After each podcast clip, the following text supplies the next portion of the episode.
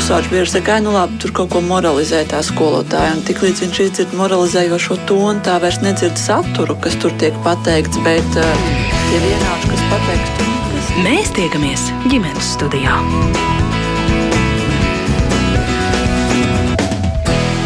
Labdien! Kāpēc katram zīdainim jāveic acu zīlīšu sarkanā refleksa tests? Meklēt atbildu šo jautājumu rosina ģimenes studijas producents Armīta Kolāte, un atbildu uz to varētu būt pavisam vienkārša. Tāpēc, ka testu var veikt pat mazuļi vecāki, bet tas ir ārkārtīgi nozīmīgs, jo ļauj agrīni atklāt divas retas slimības - iedzīmtu kataraktu un ļaundabīgu audzēju retinoblastomu. Veiksmīgāk tās ārstēt, glābjot bērna redzi un reizēm pat dzīvību. Bet plašāk saruna par mazu bērnu redzi šodien ar divām speciālistēm no Bērnu klīniskās universitātes slimības, acu slimības klīnikas vadītāju Sandru Valēņu. Labdien! Labdien! Arī optometristi Zandu Ruskuli. Sveicināti! Un arī Rīgas dzemdību nam galveno neonatoloģi Inesi Bļodnieci. Labdien, Ines! Labdien! Eh, starp citu, jums, Ines, arī pirmais jautājums. Tātad, kad bērniņš piedzimst jau dzemdību namā, mediķi pārliecinās par mazuļu veselības stāvokli. Varbūt atgādniet, kādas veselības pārbaudas tad tiek veiktas? Eh, var, Nu, protams, mēs novērtējam bērniņu vispārējo stāvokli pa visām sistēmām, bet par cik šobrīd mēs uh, runājam šodien par, par acu veselību, tad jāsaka, ka Uh, ja mēs redzam mediķi kaut kādas acu patoloģijas, kas jārēja redzamas, tad, protams, mēs sazināmies ar oftalmologiem un sūtam bērniņu tālāk padziļinātai izmeklēšanai uz bērnu slimnīcu, bet tas, par ko šodien runa ies pa varbūt pa acu sarkanā refleksa skrīningu, tad jāsaka, to mēs pilnīgi visiem bērniem šobrīd neveicam dzemdību iestādēs, Un uh, to mēs šodien droši vien runāsim, kad uh, tā, tāda noteikti būtu oftalmologu iniciatīva, lai mēs to skrīningu visaptveroši ieviestu Latvijā, tad tam ir vajadzīgs arī normatīvais regulējums. Varbūt, tik vienkārši kā jūs pieteikumā teicāt, ka to var veikt pat katra māma, nu, dzīvē droši vien, ka ir dišķiņi sarežģītāk, bet mēs esam noteikti gatavi sadarboties un arī ievies šo skrīningu dzīvē. Jā, bet pirms, pirms mēs turpinām, jūs teicāt, ka jūs tātad reaģējat vai redzes speciālistu palīdzību meklējat tikai tajos gadījumos, kad šķiet, nu kaut kas tur nav kārtībā ar mazuļu atstiņām. Kas tieši jūs, nu, tā kā iedrošina meklēt šo palīdzību? Kas ir, kādas ir tās situācijas?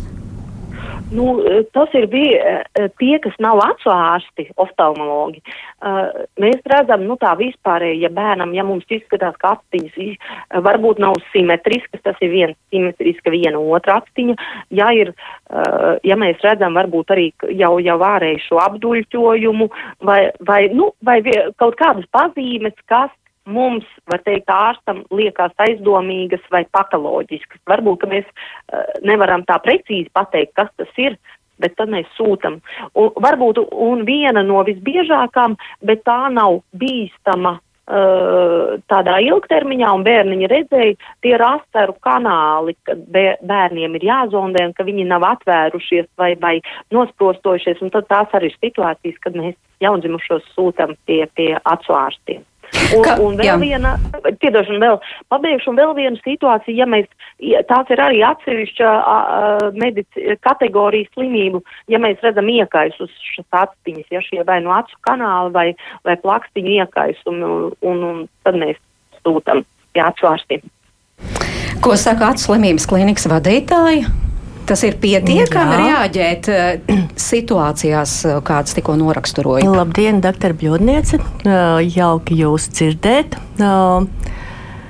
Es teikšu, ka tas noteikti nav pietiekami tādēļ, ka mēs Patreiz mēs tā uzsvērām tās mazās pazīmes, tās, kas ir vieglākās pazīmes, ar tām, ar kurām mēs tiksim galā ātrāk vai vēlāk, bet tur viss sakārtosies. Un mēs drusku neuzsvērām, un tas varbūt ta, tas ir arī iemesls, kāpēc mēs sākām šo gadu, kāpēc mēs sākām šo nu, tādu ļoti izteiktu pievēršanos sarkanajam acu refleksam. Tāpēc, ka it kā mēs atsārsti, nu vismaz es zinu, ka es noteikti kādus desmit gadus jau tiešām veltu acu sarkanajam refleksam.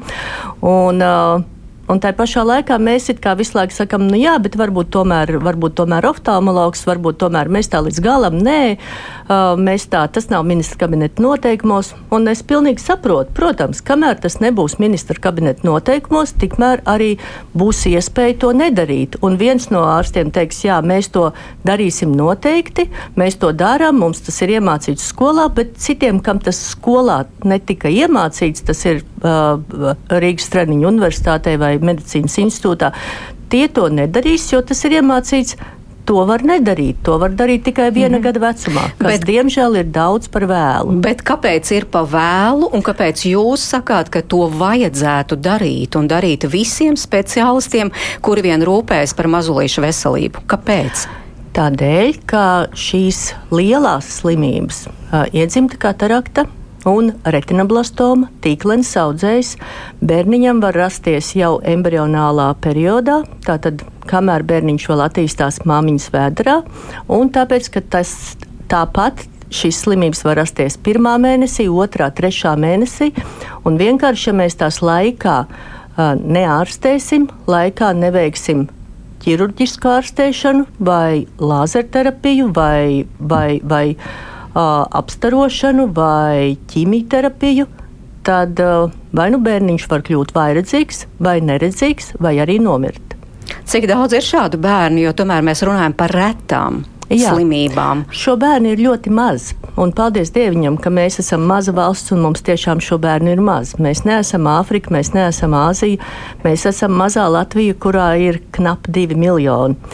Un, tā tad gadā mēs diagnosticējam vienu, divus tīkleņus audzējus bērniem retinoblastomu, un gadā mēs kopā operējam 30, 35 iedzimtas un iegūtas bērnu kataraktas. Tātad atkal šeit ir ļoti liela uh, dažādība, heterogenitāte. Vien, viena katarakta sākās jau uh, embrionālā laikā, otra sāksies pirmā mēnesī, trešā sāksies viena gada vecumā, ceturtā trīs gadu vecumā, bet tomēr tā visa būs bērnu katarakta. Un var izšķirt, var pamanīt, kā te teica, nu, piemēram, doktora bļodniece, nu, ja tur vai pūžņu actiņas, jā, vai tā arī... kā paskatoties uzreiz skaidrs, o jā, bērniņam ir es, nopietnas es problēmas teikt, ar actiņām. Ļoti iespējams, ka ka neanatoloģija, ja viņi tā drusku apzināti piedomātu, tas, ko jūs teicāt, uh, doktor, bija jau tieši tas pats, jūs teicāt, nu, ja mēs ieraugam apduļķojumu, un tas jau bija domāts ne par kādu citu apduļķojumu, kā par to pilno totālo kataraktu, kas arī visvairāk ir jāizķer. Tas, ja mums katarakta būs tāda puskatarakta, tāda puscaurspīdīga, kuru kur tiešām ir grūti saprast, saredzēt. Tur būs liels jautājums, ir vai nav. Tas arī nebūs tik ļoti nozīmīgi. Bet tad, ja jūs izķersiet to totālo kataraktu, to pelēko, mm, tumš, tum, to balto, dzeltenīgo krāsu acu zīlītēs, tas jau būs ļoti daudz. Un to pelēko, balto, dzeltenīgo grāsu, to var izķert arī vecāki. Tas arī ir tiesa. Un tāpēc arī mēs šo uzmanību tik ļoti cenšamies veltīt arī vecākiem un arī sabiedrībai. Tiešām arī vecākiem, jo ģimenes studijas um, nu, arsenālā ir kāds pieredzes stāsts. Tātad stāsta Irīna Koļesņikova. Viņa ir Milānas mamma. Milānai šobrīd ir trīs ap pusgadu. Un, starp citu, Milāna ir viņas trešais bērns un gaidot meitiņu nebija nekādu sarežģījumu grūtniecības laikā, arī ģimenē visi veseli. Un tomēr viņas meitai ir iedzimta katarakta un viņa, tātad Irīna, to atklāja pavisam nejauši. Klausāmies mammas stāstu.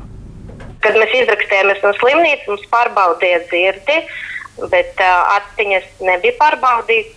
Bet uh, arī vecākiem bērniem, kuriem patreiz ir 12 gadi un 17 gadi, arī nebija tāda acu pārbaude. Katru mēnesi mēs uh, apmeklējam gan ģimenes ārstu, gan arī mums bija doktorīta privāta praksa. Atziņas, uh, nu, viņas izskatījās vienādas, nebija nekāda atšķirība. Un, kad meitiņa bija kaut kādi četri mēneši, tad uh, vienu reizi, kad viņa gulēja uz muguras un spēlēja, un gaisma kaut kā krita uh, precīzi uz to atstiņu, tad uh, tā acu zilīte izskatījās nedaudz pavisam gaišāka. Likās, ka var ieskatīties tai cauri. Un, um, es uzreiz padomāju, ka nu, bērniņam taču nekas nevar būt. Jo kaut arī pateicis, esmu mediķis nu, par tādu slimību, kā iedēļa katarakta neesmu dzirdējis. Un par laimi man paši iekaisa kreisā acis, un es vairākas reizes apmeklēju pati ārstu. Un um, viena vizīte es uh, paprasīju, vai nevar paņemt uh, savu meitiņu apskatīt. Un doktora atbildēja, ka bērni skatās uh, tādu vecumā, ka līdz tam laikam nav tāda vajadzība. Bet uh, tomēr es palūdzu, un mēs sarunājam par nākamajā vizītē. Uh, atnākšu kopā ar meitiņu. Un, kad kad uh, doktora apskatījās bērniņu, viņa teica, ka bērniņš redz ar vienu astiņu, un uh, otrā astiņa neredz, un ka steidzīgi jāgriežas uz bērnu slimnīcu, ka tā astiņa ir jāizvarē jo tas notiek līdz sešu mēnešu vecumam. Un, uh, toreiz meitiņai bija jau pieci mēneši un nedēļā. Pēc pāris nedēļām mums bija nozīmēta operācija. Norite uh, veiksmīgi. Tad pēc tam sākās tāds uh, pēcoperācijas periods ar um, atsteņas pilināšanu, smērēšanu, spiediena mērīšanu. Un visgrūtākais priekš maniem bija iemācīties tam mazam bērniņam ievietot um, tādu speciālu silikona lecu, kura bija jāievieto iekšā un jāizņem ārā. Um, principā katru dienu tas ir jādara. Un, sākumā tas aizņēma gandrīz pusdienu ar vairākiem piegājieniem. Un, uh, tagad meitiņa ir trīs ar pusi un visu šo laiku katru mēnesi mēs apmeklējam oftalmologu, kuram mēra spiedienu, lecu izmēru, atbild uz visiem jautājumiem. Un ļoti svarīgi katru dienu no tās operācijas dienas līdz septiņu gadu vecumam mums ir uzdevums uh, liemēt ciet veselu apziņu kaut kādas divas, sešas stundas dienā, lai varētu attīstīties uh, redzētāji operētāju apziņām. Dažādos vecuma posmos tas uzdevums ir ļoti sarežģīts. Jo, protams, ka bērniņam ir grūti to pieņemt, un viņš pretojas un negrib turēt to plakstri aizlīmēto. Un tad um, mums palīdz nāk redzes pedagogi, kuri iesaka kaut kādas metodes, kā var panākt to kontaktu ar bērniņu. Un, tā, tā slimība ir ļoti reta, un uh, informācijas arī nav tik daudz. Tāpēc ļoti svarīgi ir un ļoti palīdz, ka mums ir ielikās māmiņu grupā, kurai bērniņi ir ar iedzimtu kataraktu, kad ir jautājumi vai kaut kādi pārdzīvojumi, kaut kādi jaunumi varbūt ir iespējams padalīties savā starpā. Cik daudz meitiņa redz, mēs vēl nezinām, bet trijos gados to grūti izvērtēt. Bet mēs ļoti ceram, ka būs tik labi, cik vien iespējams. Gaidām to brīdi, kad viņa paaugsies un varēs izstāstīt, kā viņa iet.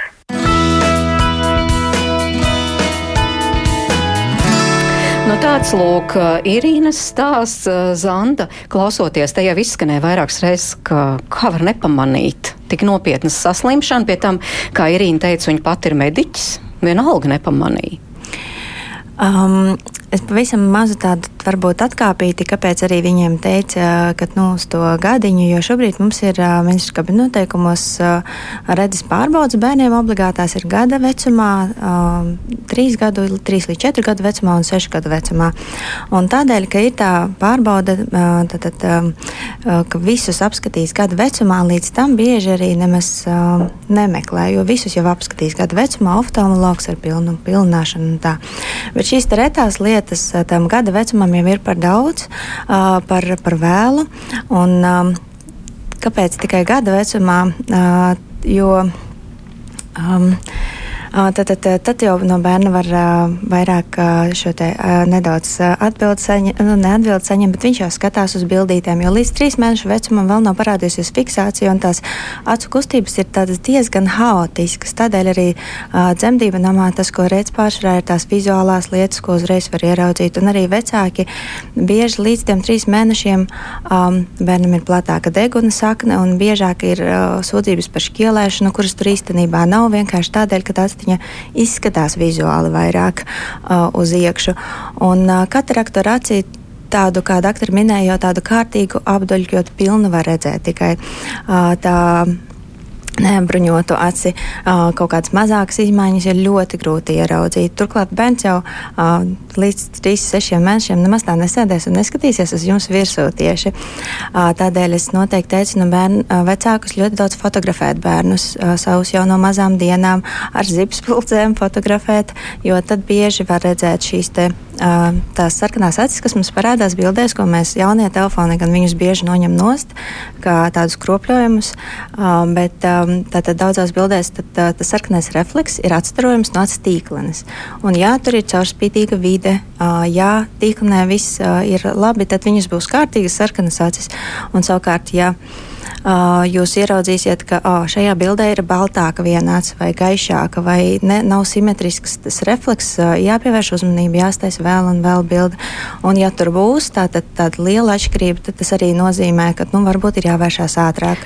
Jā, nu, faktiski tas ir tas uh, acu zīlīšu sarkanā refleksa tests, ko var veikt paši vecāki. Tātad māma bet... un tētis, nu, tik vienkārši bērnu nofotografējot ar zipspuldzi. Nu, tur gan tas ir svarīgi ar zipspuldzi, jā, ar lai tās sarkanās uh, acis parādītos. Jā, bet jāņem vērā tas, ka šādai bildēšanai mājās ir arī ļoti daudz artefaktu. Un, ja es tagad pateikšu, ka tiklīdz ir uh, kaut kāda asimetrija mazākā, tā ir jānāk pie cilvēka, tā mēs pāris gadus vēl ar rindu netiksim galā. Uh, tādēļ mēģinam noteikti vairākas reizes bildēt, tad pie, pateikt ģimenes ārstam, ka pievērsiet uzmanību šeit, jo es redzēju atšķirību man vai gan pirmā, gan otrā bildē pieņemsim sanāk, jo bieži vien Um, arī rāda visādas slīpās bildes, uh, un, uh, kur bērniņš tur uh, galīgi nav skatījies virsū, un tur viņas visas būs uh, diezgan nu, neprecīzi. Tur ļoti grūti noteikt. Nu jā, tāpēc būtiski, ka tomēr profesionāļi arī veic šo acu zīlīšu sarkanā refleksa testu. Kā tas atšķirs? Kā, kā piemēram, jūs kā speciālists veicat šo testu? Es kā speciālists neveicu, jo es esmu oftalmologs, es iepilinu un paskatos oftalmoskopiju. Šis ir skrīnings. Mēs drusku vispār vēl neesam iemācījušies, kas ir pilna izmeklēšana, kas paņem apmēram 45 minūtes, kuras laikā tiek pilināts bērnam. Pirms pilināšanas tiek noteikta rēdze ar dažādām metodēm līdz 2,5 gadiem, ar speciālām skatīšanās kartītēm, pēc tam jau ar skatīšanās tabulām, ar redzes tabulām. Un pēc tam, kad iepilina, tad skatās uh, visas optiskās vides. Tam, tas ir liels darbs, mm -hmm. ļoti nopietns darbs. Un nu. otrs, par ko mēs šodien runājam, ir skrīnings. Mēs mm, Ieli uz, uz oftalmoskopu paskatāmies uz sarkanajiem refleksiem, un to tiešām dara ģimenes ārsts, ģimenes ārsta māsa, ja tā ir speciāli apmācīta. Ir valstis, kur to dara speciāli skrīningam apmācīti uh, nav speciālisti, kas mācās apmēram divus gadus, ne vairāk. Tāpēc arī varbūt mēs tā neesam, mums tik daudz to jauno profesiju, ka mēs neesam īsti sapratuši, kurš tad to veiks. Bet, ja mums nav speciāli apmācīts profesionāls, tad tomēr ģimenes ārsts ir, kura uzdevumā to veids vai nu viņš pats vai kāds no viņa komandas. Tad tomēr tas ir tik sarežģīti iemācīties veikt šo testu. Reizē sarežģīti un reizē vienkārši vienkārši, tad vienkārši tam pirmkārt ir jāpievērš apzināta uzmanība. Un uh, tad tas nebūs sarežģīti. Bērnu slimnīcas uh, portālā uh, Vesela pasaule ir speciāls video par sarkanā refleksa veikšanu. Katrs to var ieslēgt, katrs var paskatīties. Tur ir sarkanā refleksa veikšana dažāda vecuma bērniem. Mums ir mazāki bērni bijuši kā modeļi un lielāki bērni. Par to stāsta neonatoloģija Elza Salputra.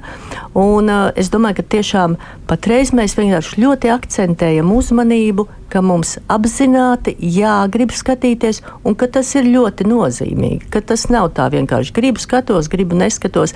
Daudz uh, vairāk nozīmīgi, kā paskatīties asarceļa iekaisums mm. vai iekaisuma actiņās. Tas pāries, tas, tas patiesi pāries.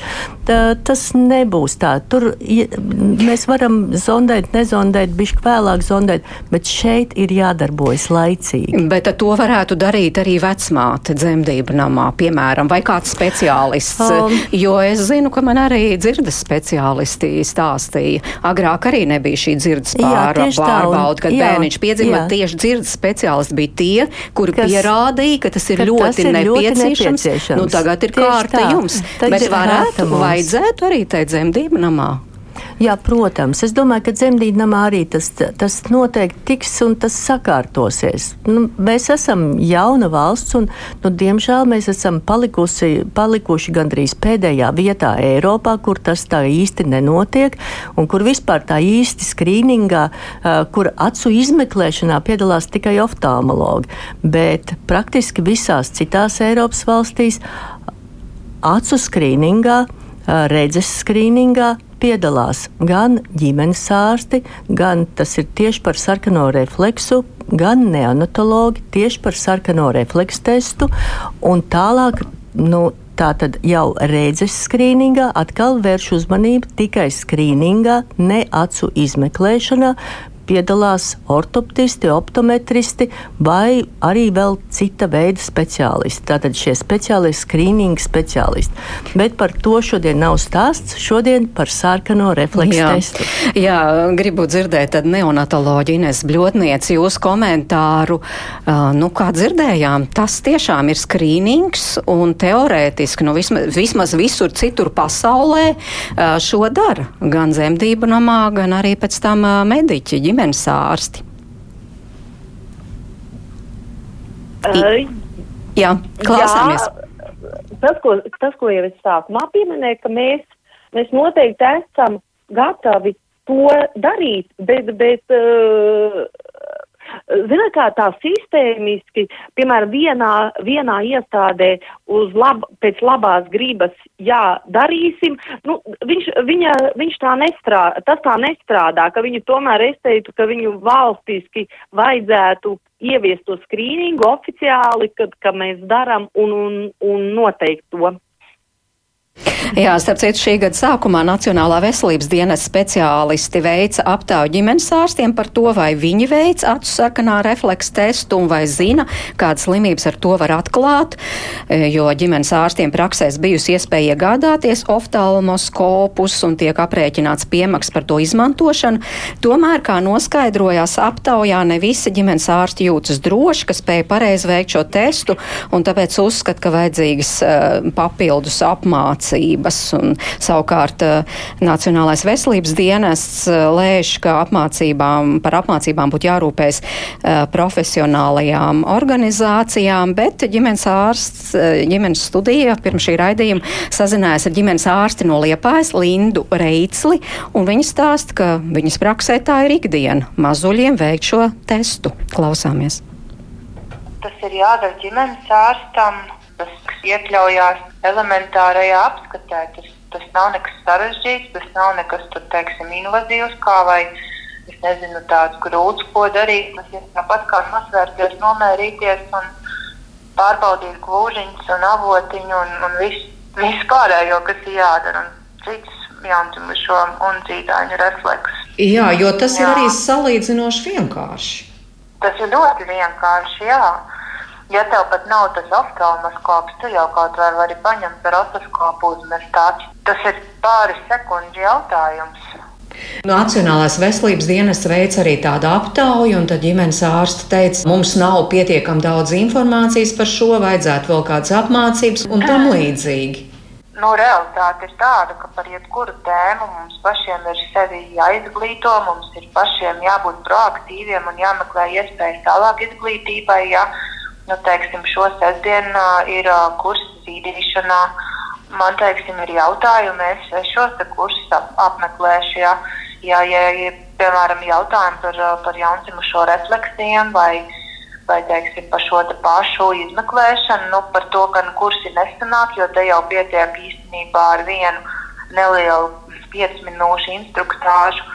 Tad tas ir jāņem un jāskatās tā informācija ir arī pieejama vadlīnijās, un, un es nezinu, kaut vai vienkārši jebkurā mm, datu bāzē, ko var paņemt, apskatīties, iesist iekšā sarkanais refleks un uh, palasīt. Uh, man vienkārši tiešām grūti, es varbūt esmu tas sliktais pēdiņās piemērs, kuram neliekas nekas sarežģīts. Jums ir arī darba pieredze Somijā, tur laikam tā ir tāda ierasta praksa, vai ne? Tā ir norma. Tas ir klāt pie visu pārējā.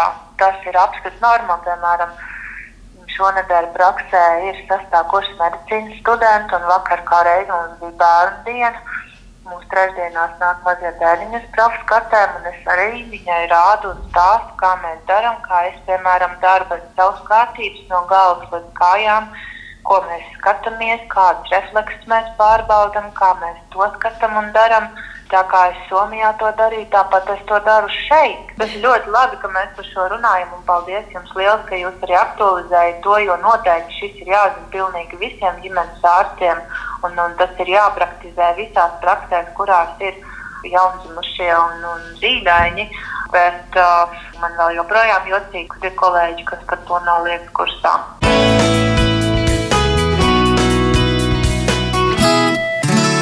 Tāds bija ģimenes ārstes no Liepājas Lindas Reitsles viedoklis. Ines Bļodniec, gribētu te ko piebilst kolēģei? Es ļoti priecājos tiešām pa, pa arī, ka, eh, ka ģimenes ārsti ir proaktīvi, tu man tas vārds patika.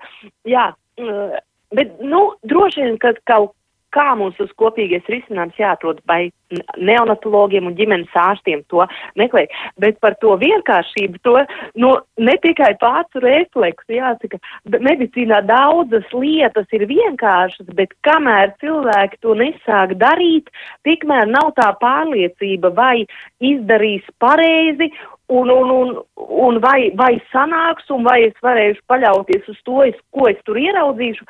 Tāpēc par to apmācību tā uh, man tomēr gribētos, uh, ka, ka tas tā sistēmiski notiktu, ka tā acu ārstu uh, kaut kāda tāda reāla apmācība būtu arī citiem speciālistiem, tiem pašiem ģimenes ārstiem un neonatologiem, kad, kad uh, tas nebūtu tikai tā izlasiet internetā un tur katrs var atrast, jo nu, tā, tā tiešā saikne tomēr to pārliecību dod, ja, ja acu ārsti parādīs blagā stāvot, kā to darīt. Nu, tad kādi būs nākamie soļi, jo tomēr Jā. bērnu klīnikas universitātes speciālisti šo ir aktualizējuši un saka, tas ir jāizdara. Jā. Tad kā jūs redzat tos tālākos soļus, lai tiešām to ieviestu un mēs dzīvotu tāpat kā visur citur Eiropā? Nu, es gribu teikt, ka um, paldies uh, Inese. Um, Protams, labi, ka mēs to jautājumu ceļam no visām pusēm. Un labi, ka mēs esam dažādi, un labi, ka mēs eh, nesakām, ka mēs visi visu mākam, ja mēs to vēl nedaram. Un, uh, paldies arī noteikti ģimenes ārstei no, no Liepājas. Un, un tāda es zinu, ka daudz jaunie ģimenes ārsti tiešām dara un neredz tur problēmu. Un, uh, bet Ines ir pilnīgi pareizi. Kamēr, kamēr vienu reizi nepaprovēs un nedarīs, nekas nebūs. Uh, mēs varam runāt daudz un dikti. Un, Un, um, Es jau teicu, ka es jau kādus tiešām, man liekas, desmit, bet nu, pieci gadi katru gadu datorā ir, ir tēma sarkanais refleks ar dažādām uzstāšanām. Tas notiek. Un uh, arī tā, tā pilota projektā mēs arī izmēģinājām, ka piemēram desmit cilvēki uh, nāk mm, apmēram uz trīs. 3 reizes 45 minūtēm uz acu klīniku. Pirm, pirmkārt ir lekcija, un pēc tam ir ir praktiskā nodarbība ar oftalmoskopiem, kuri mums ir tik, cik ir, un tāpēc tāpēc tas ir apmēram 4 sākums, 7 beigas. Jā, tātad šajā gadā es, es neapsolu visu mūžu to darīt, bet šajā gadā tā kā ir sarkanā refleksa gads, mēs esam tiešām to tā nodēvējuši, tad mēs arī, es apsolu un es apsolu arī iesaistīt vēl kādu droši vien, jo ar nopietnām un, un spriganām acīm var ļoti daudz un ar nopietniem pierādījumiem, kāpēc. Un es domāju, ka ir ļoti svarīgi tajā pirmajā reizē, kad mēs tā tikāmies apmēram desmit cilvēki, un gan tie, kas jau darīja sarkano refleksu testu, gan tie, kas nedarīja. Tur, protams, ir svarīgi arī, arī noklausīties lekciju ne tikai no tiem, kas to ir izlasījuši, bet no tiem, kas ir ārstējuši bērnus ar retinoblastomu, kas ir uh, 30 gadus bijuši kopā ar tādiem bērniem, bērnus ar iedzimtu kataraktu, tiem, kas zina kam ko operē, kāpēc operē, kā dara pēc operācijas, kā ir ar tām kontaktlēcām, kad liek intraokulārās lēcas, kad, kad, kad dod ķīmijterapiju, kad nedod ķīmijterapiju, kas zina, ka mēs esam gandrīz vienīgā valsts austrumē Eiropā, kur dara intraarteriālo ķīmijterapiju, ja, kad citur to nedara. Tiešām, ka ir daudz labas lietas, ko mēs darām, un tad arī ir tas uzmundrinājums, ka vajag darīt un vajag atrast. Bet varbūt jums jārīkojas vēl aktīvāk, piemēram, jāpienāk, jāpanāk izmaiņas normatīvajos aktos, mēs kur tāpēc, tiešām arī paredzētu, protams, ka tas ir protams, obligāti jau, jādara. Es domāju, pēc šādiem raidījumiem tur jau vairs nav ko runāt.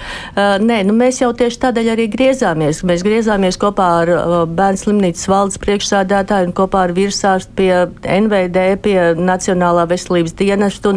Mēs, protams, uh, to ta, šis ir tas ceļš, ko mēs ejam, un mūsu mērķis ir tiešām mainīt MK noteikumus un arī tiešām iemācīt, ja visiem spēkiem veidot to, ka visi to dara. Paldies tiešām jums par šo iniciatīvu, jo katrs bērns ir svarīgs. Es domāju, to mēs ik pa laikam šeit ģimenes studijā uzsveram, un tiešām ļoti svarīgi, lai katram bērniņam maksimāli būtu nodrošināts tas, ka viņš aug vesels un līdz ar to arī laimīgs. Šajā brīdī paldies par piedalīšanos raidījumā. Es saku Rīgas dzemdību nama galvenai neonatoloģijai Inesē Bļotniecei. Paldies, ka atvēlējāt laiku. Uh, bet mēs sarunu turpinām ar speciālistiem no Bērnu Kliniskās universitātes slimnīcas, acu slimības klīnikas vadītāju Sandru Valēņu un optometristi Zandu Ruskuli. Un uh, aicinu arī klausītājus iesaistīties, pievienoties. Lieliski izdevība pajautāt speciālistiem. Uh, es gribu jums jautāt, bet nu, tās citas lietas, ko var pamanīt agrīni, izpētot kārtīgi bērnu acis, kas tas ir? Um, par to pašu sarkanā refleksu refleksa testu, tas ir ļoti ātrs, test, ļoti ātrs tests, kad iespīd nacīs gaismiņu. Un, protams, ka um, man šķiet, ka ir jāmēģina un jāsāk vienkārši darīt. Tas, ko mēs meklējam, tas ir uh, zem 5% no visiem bērniem vajadzētu būt uh, šīm izmaiņām. Nu, tātad ne vairāk kā 5%. Ko mēs varam ieraudzīt, šī, šīs te, retinoblastoma un kataraktas, protams, ir vēl daudz retāka, bet pat īstenībā šķielēšanu um, un lielas refrakcijas izmaiņas izmaiņas. Tas nozīmē lielus stiprumus, kas vēlāk varētu būt brillēs, pat var pamanīt, tādēļ ir jāsāk darīt. Ko tad... vēl pastāstiet par šīm izmaiņām? Tās ir tā saucamā slinkā acis, ko tautā sauc, vai tas ir kaut kas cits? Uh, jā, tātad, um, kad, uh, ko nozīmē slinkā acis? Slinkā acis nozīmē to, ka smadzenes, smadziņu garozā, kas atbild par konkrēto aci, nav iemācījusies īsti redzēt. Kāpēc viņa nav iemācījusies redzēt? Jo viņai ir bijuši kaut kādi šķēršļi. Viens var būt šī katarakta, Viens var būt ptoze, jeb noslīdējis plakstiņš, ko bieži arī man šķiet, es esmu dzirdējis no dzemdību nama, kā reiz atsūta, ja ir šī ptozīte. Vai arī, ja ir bijis liels acis stiprums, kurš nav korigēts, pieņemsim lieli plusi vai lieli mīnusi, retāk, bet lieli plusi bērniem. Vai šķielēšana, ka tāds nav skatījusies, ir skatījusies tikai tā aciņa, kas nešķielē, un tā otra, jeb smadziņu garos, kas par to atbild, nav nemaz iemācījusies redzēt. Un tad, tad skatāmies, kas ir tas iemesls korrigējam to iemeslu un tad trenējam to vājāko aci, lai viņi iemācītos ar šo līmēšanu ciet. Mm -hmm. Vairs tā ir līmēšana, kad mēs sliktu mēs, labāko aizlīmējam. To jā. mēs parunāsim, bet es gribēju jautāt, tas arī ir tik būtiski to darīt agrīni. Tātad, tad, kad bērniņš vēl nav sasniedzis gadu vecumu, jo atgādina, tātad pirmā vizīte pie um, acu ārsta ir tad, kad bērnam ir jau viens gads. Kas ir nokavēts? Mm. Nu par, es gribu tā pavisam maz šoreiz, bet pateikt par pirmo vizīti. Tas ir mūsu parastais veids, kā mēs skatāmies uz lietām, tādēļ, ka mums no senās padomu sistēmas nāk līdz šī profilaktiskās acu izmeklēšanas viena, trīs un sešu gadu vecumā. Nekur Eiropā nenotiek tik biežas acu ārsta izmeklēšanas. Tas ir ļoti dārgi, un tas ir gandrīz neiespējami to visiem veikt. Um, līdz ar to dažādos veidos mēs paši jau esam sākuši kā, modificēt šo acu ārstu pilno izmeklēšanu. Um, ir acu ārsti, kas strādā kopā ar medmāsu, un uh, ne visiem bērniem pilina un pareizi dara, ja viņi tā jūt. Um, mēs strādājam kopā ar optometristiem. Mums lai arī universitātes klinikā nebūtu jāveic profilaks, bet uh, mē, mūsu valstī ir tā, ka diezgan daudz profilaktiskie uh, apskats bērni nāk arī pie mums radot ļoti lielas rindas. Un ļoti daudz no šī darba tieši Bērnu Kliniskā universitātes slimnīcā izdara optometristi. Par pirmā gada bērniņu. Šodien tikai par pirmā gada bērniņu. Mm -hmm. Viena gada vecumā bērniņš ir, ir, ir tas brīdis, kad viņš ir gatavs jau būt pats. Viņš ļoti nu, čeko, ko ar viņu darīs, kā ar viņu darīs.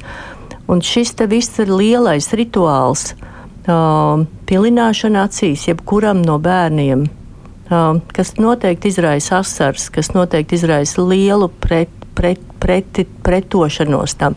Pēc tam skatīšanās, bieži vien turot viņu, turot ar tas nav pats labākais, kādu mēs atmiņu varam atstāt mazajam bērnam. Un atkal, es nesaku, ka visiem bērniem viena gada vecumā nav jādara obligāti ir jādara riska grupas bērniem. Tātad tiem, kas ir piedzimuši agrīni, kas ir piedzimuši priekšlaiks dzimuši, tiem, kam ģimenē ir novērots acu saslimšanas, iedzimts acu saslimšanas, tieši tiem, kam ģimenē maziem ir bijušas brilles, tiem, kam ģimenē maziem ir bijušas šķielēšanas, mazi, maz, ma, vecākiem mazā vecumā. Bērniem, kam ir citas sistēmiskas slimības, tur ir tāds pantiņš, kam tad ir obligāti jāskatās. Bet, ja bērns ir pilnīgi vesels, ja bērnam vecāki novēro, kad actiņas ir taisnas, kā actiņas skatās, uh, fiksē. Apmēram aizklāja vienu aci, liekas, ok, viss ir kārtībā, aizklāja otru aci, liekas, viss ir kārtībā. Tad tomēr ģimenes ārsts visās savās skatīšanās reizēs ievēro, ka refleks ir sārts. Um, Jā, tas varētu būt tikai skrīnings. Tas varētu būt viena gada vecumā skrīnings. Ģimenes ārsts to novērtē un saka, jā, šo bērnu es nesūtīšu pie acu ārsta. Man ir divi papildi jautājumi uzreiz. Tātad jūs uzskatāt, ja nav šo problēmu ģimenē, acu problēmu un arī izskatās, ka bērniņam viss kārtībā, tad pietiktu ar šo acu zīlīšu sarkanā refleksa testu. Jā, arī, ja mēs... arī, lai pārliecinātos, ka nav tur šķielēšana vai slinkāts vai kaut kas tam līdzīgs. Jā, ja mēs visi tā padomātu apzināti to, ko mēs varam paši no sevis, ko mēs atbildam sev. Ģimenes ārsts, pirms tam neonatologs, citi speciālisti. Um, un ja viņi saka, jā, mums šeit mēs šeit neredzam problēmu, un šis bērns ir vesels. Es zinu šī bērna anamnēzi. Viņam anamnēzē nevienam nav bijusi retinoblastoma. Viņam anamnēzē nevienam nav bijusi iedzimta glaukoma vai iedzimta katarakta. Nevienam nav bijuši lieli plusi, plus 6, plus 7, plus 10. Nevienam nav bijuši lieli iedzimti mīnusi jā, tad es teiktu, ka mēs varam neveikt pilno izmeklēšanu, bet kādam ir jāieraksta šis atzinums. Un, ja vecākiem rodas kaut mazākās sūdzības, tad viņiem ir tiešām momentāli jānonāk pie acu ārsta. Ja? Tas ir tāda, nu tā, ka nevis mēs pastumjam to latiņu tālāk un sakam, oi, tas, tas nākamais jau izdarīs. Es visu esmu izdarījis, es esmu uzrakstījis piecus nosūtījumus pie viena, otra, trešā un piektā. Un uh, es esmu visu izdarījis, man neko. Bet ja es ta, tagad teikšu, jā, par šo sistēmu man vajag papildu konsultāciju pie speciālista, bet par šo sistēmu es patiesi viņu esmu vērojis visu gadu. Un es redzu, ka tur viss ir labi. Es izrunājos ar mammu, es uzklausu mammas domas, te, nu, vecāku domas, kas ir atnācis. Un es uh, pieņemu lēmumu šo bērniņu šai vecumā nesūtīšu pie pie oftalmologa, tādēļ, ka viņš nav riska grupās. Es viņu neraudināšu, es viņam neradīšu, neradīšu atmiņu par to, kad viņam ar vāru kaut ko skatījās. Mm, tā ir tāda pieredze, ko mēs bieži cenšamies apdomāt. Bet uh, tas nav arī tik viegli. Es arī saprotu, tas tas galīgi nav tik viegli. Nu jā, ģimenes ārstam ir jāuzņemas atbildība. Tā ir ļoti liela atbildība. Jā. Tieši tā. Jā, un tā bet... ir ļoti liela sadarbība, tā ir ļoti liela uzticība gan vecākiem ģimenes ārstam, gan, gan ģimenes ārstam vecākiem, ka vecāki pamanīs, ja kaut kas būs tāds, kur mēs tā kā, tā kā liksies, ne, labāk pārbaudam tad, ja. Un, jā, bet tad mēs visi būtu drusku laimīgāki un varbūt mūsu bērni nebūtu tik iebiedēti. Un tomēr tiem, kuriem bērni jāved gada vecumā pie acu ārsta, kā sagatavot bērniņu? Ir jums kaut dažas padomas? Jā, tātad, protams, ka tie, tie, tie bērniņi, kam būs kaut mazākā šī riska grupa, tad tie bērniņi noteikti ir jāaizvada gada vecumā, arī tad, ja viņi pirms tam ir bijuši pie ģimenes ārsta un viņiem ir skatīts sarkanais acu refleks. Un tad mēs vairāk iesakām vecumu tādā gadījumā 8, 10 mēneši, 8, uh, jā, uh, kad šis vecums ir tā kā drusku labāks tieši bērna sadarbības ziņā. Viņi ir daudz sadarbīgāki, viņi ir daudz, ar viņiem ir vieglāk komunicēt, viņus ir vieglāk vadīt. Tas 12 mēnešu vecais bērns vai atkal no 12 līdz, līdz, līdz 5. 18, 18 jā, pusotra gada. Viņš ir tiešām ļoti ļoti dusmīgs, ja viņam dara kaut ko ar vāru, un viņš eh, ļoti nesadarbojās. Tas ir tik ļoti skumji, mm, kad, kad, kad mums ir jādara. Ja viņš ir atnācis, mums ir jādara ar varu, bet tas tā nav labākā praksa. Kāda māma mums jautā, no kāda vecuma runāt par šķielēšanu, jo liekas, ka pavisam mazi bērni šķielē, bet vēlāk tas pāriet. Um, ir jāvēro tā šķēlēšana, jo, kā jau es teicu, ir, mazajiem ir platāka deguna sakne, un viņi vizuāli bieži vien šķiet, ka ir tur ir šķēlēšana, kad īstenībā viņas nav. Ir jāpavēro, vai nav tā, ka vienāds tiņu visu laiku šķēlē. Ja visu laiku šķēlē, pieņemsim tikai labāts, tad visticamāk, ka tur ir šī īstā šķēlēšana un būtu jāaiziet uh, uz redzes pārbaudi, uh, tad, kad uh, tas ir novērots. Tāpat tās um, doktori minēja par vienas actiņas aizklāšanu, ko es ļoti ieteiktu ieteiktu visiem vecākiem mājās darīt, kad bērns kaut ko pieņemsim, vēro kaut kādu multenīti, spēlīti. Tā viegli aizklāt vienu aci ciet un, uh, un paskatīties, vai viņš ar to otru aciņu, kas ir palikusi vaļā, skatās, vai viņš pēta, vai viņš turpina darīt to, ko viņš darīja. Pēc kāda laika aizklāt otru aci ciet un paskatīties, vai tā pirmā aciņa skatās, vai pēta, vai, vai viņš ir mierīgs. Ja kaut kādā brīdī tiek novērots to, ka vienu aci aizklājot, viņš uh, um, pēta un turpina, bet otru pēkšņi sāk ļoti pretoties un ņem to roku nost un raudāt, ka viņam nepatīk. Tad pie sevis piefiksēt, ka iespējams, ka tā acis viņam nepatika, kad ir, kad ir cieta, varētu būt, ka viņš sliktāk redz, tāpēc viņam nepatika. Pēc kāda laiciņa, pēc pāris dienām pamēģināt vēlreiz tāpat tās izdarīt, lai nu, paši priekš sevis kaut vai paskatītos, vai viņam tas redzes asums ir vienāds. Um, Mm -hmm. Bet vai šo arī var nokavēt ar to diagnosticēšanu? Piemēram, šķielēšanu it kā vieglāk pavadīt to, vai cik stipra kura atstiņa, to tā kā grūtāk. Kaut ko var nokavēt un korekcija vairs nav iespējama? Jā.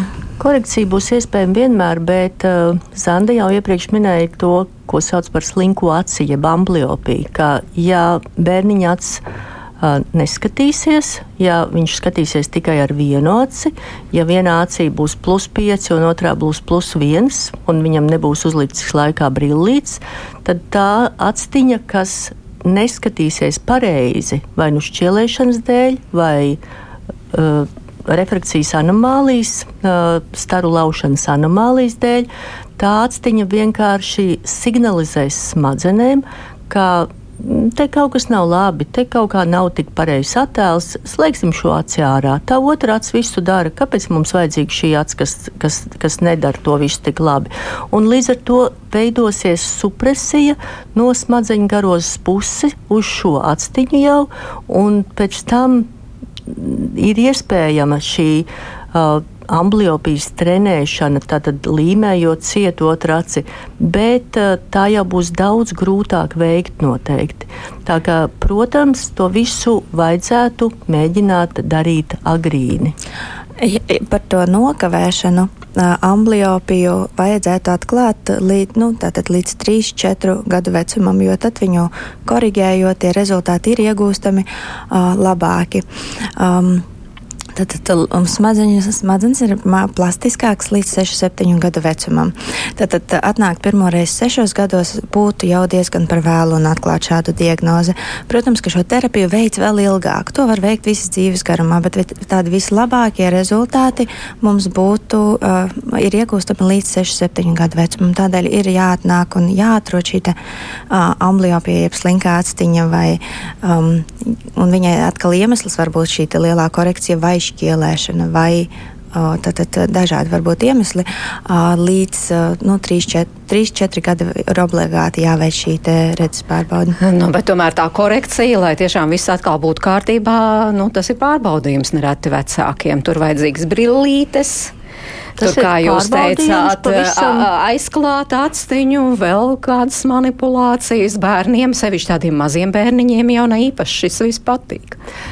Es gribēju atbildēt arī vēl vienreiz, varbūt pirmajai, ma otrajai mammai, kas, kas zvanīja par to, par to šķielēšanu, cik tad agri var būt šķielēšana. Tad, kad bērniņš piedzimst, viņš nemāk fiksēt, un apmēram divos mēnešos viņš tā iemācās īsti fiksēt. Un šķielēšana var būt ļoti agri. Iedzimta ezotropija var būt arī no dzimšanas, tā mēs arī to redzam.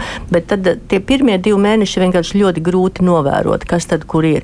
Bet pēc divu mēnešu vecuma, ja joprojām tā kā tomēr ir tā šķielēšana, šķielēšana, īsta šķielēšana. Ja? Tur par, par, tieši tā Zanda minēja par to viltu šķielēšanu un īsto šķielēšanu. Bet, ja tā īsti visu laiku tomēr liekas, ka ir šķielēšana, tad uh, var agrīni nākt arī pie acu ārsta, bet labāk nākt ap sešiem mēnešiem. Bet šķielēšana var būt arī tas pirmais, piemēram, arī, arī bieži vien tas dzeltenais refleks, leukokorija, jeb, ja, ja ir nepareizs sarkanais refleks, ir brīži, kad to var arī neieraudzīt, ja, kad nebūs, bet uh, parādās šķielēšana. Mm, ja nebūs pretī, tur daudz tās nianses tomēr ir kā, kā un ja, ja, ja, ja mums parādās šķielēšana, mums ir jāizslēdz arī atkal šīs pašas slimības, par ko mēs šodien runājam. Nu jā, bet tomēr par to korekciju mazi bērni, brillītes. Um, atkarīgs nedaudz no korekcijas, jo, protams, ka raksta jau brilles, lai viņi labāk redzētu. Un tajā brīdī, kad viņi uzliek tās brilles, viņi jau uh, lielākoties uh, nav bēdīgi. Um, lielākiem plusiem vajag adaptēties, protams, uh, bet. Uh, Nu, es neteikšu, ka ir tādas izteiktas kaut kādas pret. Dažkārt uz to pārbaudi atnākot, ja viņi ir tādi bailīgāki, ir ieteicams varbūt mājās kaut kādas multinītes paskatīties. Ir dažādas, kur ir redzes pārbauda attēlota, kā tas notiks, palīdzēt viņiem sagatavoties vai um, um, atbildot arī nedaudz uz iepriekšējo jautājumu. Um, redzi, mēs ļoti tā pavisam skaisti jau, nu, tā skaistāk varam precīzāk noteikt, sākot no trīs gadu vecuma, kad viņi var atbildēt, pagrozīt e-burtiņu. Tad, tad pārbaudas laikā mēs viņam rokās bērnam ir e-burtiņš, vai viņš rāda virzienu, uz kurienu viņš skatās, un tas ir tāds visprecīzākais tests, kā mēs saprotam, cik tad redz tā vienāds vai otrāds. Un tad uh, viņu koriģēt droši var arī mājās pamēģināt izgriezt uh, tādu burtiņu, un, um, lai viņš atkārto to, ko mamma tur pieņemsim tālāk tālumā rāda, lai saprastu, ko tur darīs. Vai tātad šīs multinītes, lai saprastu.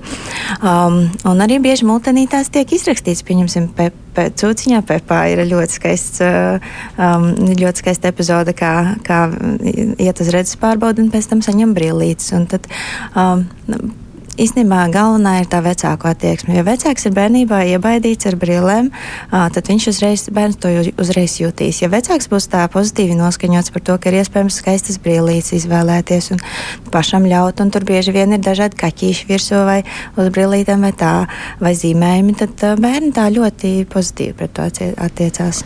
Jā, tātad šodien runājām par redzi pavisam maziņiem bērniņiem, nu, teiksim, līdz trīs gadu vecumam, kā nepalaist garām zinām kādas saslimšanas uh, un kā tad uh, ir iespējams uh, tās koriģēt. Bet, nu, kā jūs redzat to ideālo ainu? Jūs jau teicāt, ir jāizdara izmaiņas, bet tā, tā, tā ideālā aina jūsu skatījumā bērnam līdz trīs gadu vecumam, kā tas būtu jānot, kā tam būtu jānotiek nākotnē? Nu, tā tad mēs varam tā kā, nu, paprognozēt, pas, pasapņot, paskatīties neanatologs, izrakstoties no dzemdību nama, ieskatās bērnam acīs un paskatās sarkanā refleksa testu. Atzīmē, sarkanā refleksa tests simetrisks, kļūdas nav. Tālāk ģimenes ārsts. Tad, kad viņš atnāk pirmajā vizītē, viņš atkal apskatās, salīdzina ierakstu ar neandertālu ierakstu. Uzraksta kļūdas nav. Un tālāk viņš viena, trīs, sešu 9, 12 mēnešu vecumā atkal paskatās šo sarkanā refleksu testu. Neanatologs ģimenes ārsts, atvainojos, ģimenes ārsts pazīstot ģimeni, zinot ģimenes anamnēzi bērniņiem, kam ģimenē būs sastopama retinoblastoma māmiņai, vecmāmiņai, tētim, vectētiņam obligāti. Uh, nu, ļoti uzmanīgi veiks šo sarkanā refleksa testu. Iespējams, nosūtīs jau agrāk, sešu mēnešu vecumā, varbūt trīs mēneši. Ja kaut kas liksies, obligāti nosūtīs. Domās par ģenētisko izmeklēšanu, kas tagad ir iespējama nu, ļoti agrīni, un tad jau acu ārsts sekos līdzi. Um, ja nebūs šī riska, tad viņš uzņemsies atbildību un teiks, jā, šai ģimenei nevienam nav nekādu brīļu, nevien, nevienam nav nekādu refrakcijas anomāliju, nav iedzimtu acu slimību, un bērniņš skatās taisni, bērniņš skatās vienādi, abi sarkanie refleksi ir vienādi. Nu, viņš uzņemsies atbildību un viena gada vecumā pie, ne, ne, ne, ne, nesūtīs bērnu uz šo te uh, acu ārstu izmeklēšanu, bet trīs gadu vecumā obligāti bērnam tiks veikts redzes skrīnings, jau pārbaudot bērnu redzi. Nu, cerēsim, ka jau tuvāko gadu laikā tā būs eh, ne tikai tāds nākotnes aina, bet patiešām arī realitāte. Paldies par šo sarunu. Es saku acu slimību klīnikas vadītājai Sandrai Valēņai un optometristei Zandai Ruskulei. Paldies jums, ka klausījāties, saka Sarmīte Kolāčī, raidījuma producenta un es mairidz noteņu pie skaņu pults, ne, bet pie mikrofona. Lai jums laba diena!